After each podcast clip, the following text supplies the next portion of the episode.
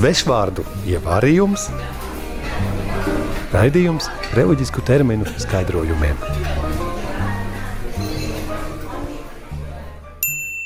Šodienas burts ir Burts, h, homīlija. No grieķu valodas homīlija, saruna, diskurss. Homīlija, arī sprediķis.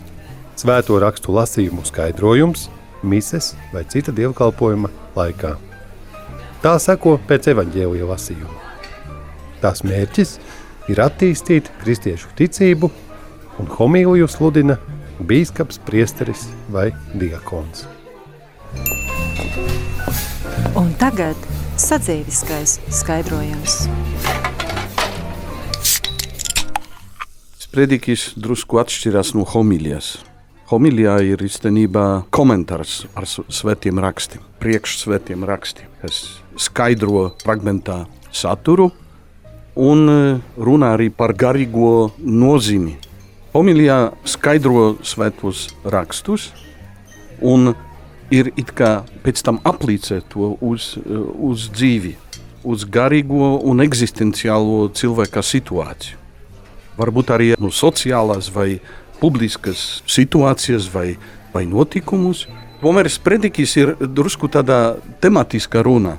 Vairāk par tēmu, par morālu tēmu, it kā katehēze. Protams, ka arī tur pamats ir svēti raksti. Tomēr mērķis ir vairāk skaidrot kādu tikumu vai kādu ticības noslēpumu, un, un tādā veidā kļuva par katehēzi ticīgiem cilvēkiem.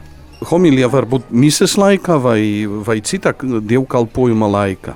Tur, kur, kur ir lasījumi, kur ir svētie raksti, tur arī ir homilija. Sprediķis tomēr var būt arī citos gadījumos. Varam teikt, arī konference vai lekcija. Tomēr parasti, ja tāda runa ir ar vienkāršo valodu un visiem cilvēkiem, ne tikai speciālām grupām, tad ir sprediķis. Mazliet no vēstures. Prediķi bija vesels literatūras žanrs. No ļoti seniem laikiem līdz 19. gadsimta beigām. Tas bija arī sava veida bizness. Un ir zināms ļoti daudz baznīcas tēvu sprediķi apkopoti biezās grāmatās. Senos laikos bija pat divas stundas sprediķi. Bet tagad zinām, ka Pāvests Francisks runāja ļoti stingri, lai homilijas nebūtu tik garas, lai cilvēki ne tikai saprastu, bet vispār izturētu tādu runu. Tāpēc arī tā runa ir liturgijas kontekstā. Tas nozīmē, ka jābūt saglabātam nu, līdzsvaram starp liturgisko akciju un runāšanu. Tātad homilijai parasti nevar būt vairāk nekā desmit minūtes. Vismaz mācā Pāvests Francisks. Gan padomu laikā, gan mazliet agrāk, kad arī bija ļoti pilnas baznīcas, tomēr prediķošana tika uzskatīta par tādu ļoti didaktisku un, un, un pamācošu. Un cilvēkiem jau nepatīk, ka viņus nemitīgi pamāca un tā kā ar pirkstu rāda uz viņiem. Un, un tāpēc varbūt bija nievājoša nokrāsa šāda morāls lasīšana. Prediķiem bija divi stili.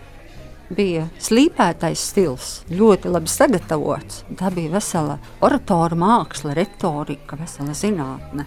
Un, un, ja mēs runājam tieši par Lutāņu evanģelisko baznīcu, tad viņiem ir ļoti izstrādāts pat balss tonis, vairāk nekā katoļiem. Ja?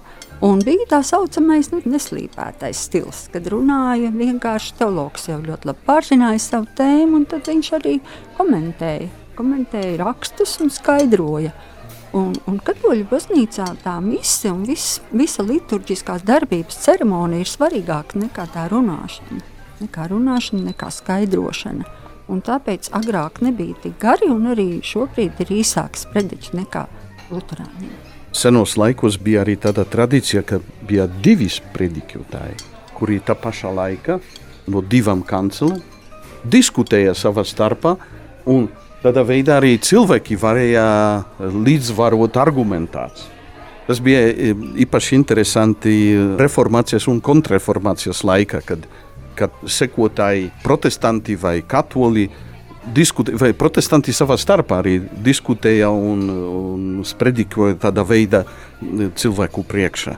Tad sprediki sapulcēja daudz cilvēku.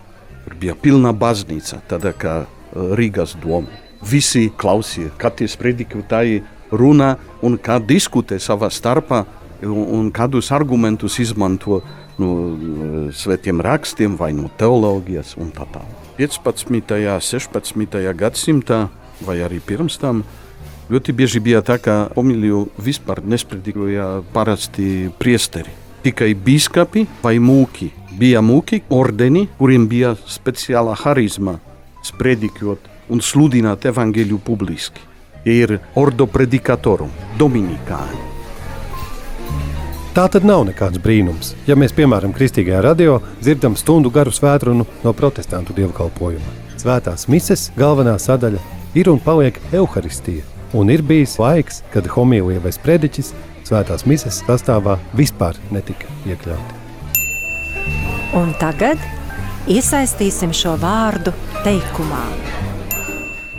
Jā, bet, bet tad, tas, ka tētis man visu vakaru lasa morāli par netīrajām zeķēm, vai tas ir normāli? Arī tā ir homīlija. Nē, draugiņ, tas ir sprediķis.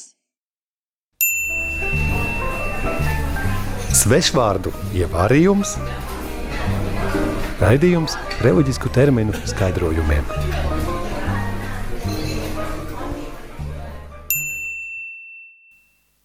Jēdzienu skaidrojošo vārnīcu vietnē katolis.lv veido māsas kalpones Ginta un Inese, kā arī jezuītu tēvs Tadeušs. Savukārt radioversija top stingrā viestura vizuļa uzraudzībā.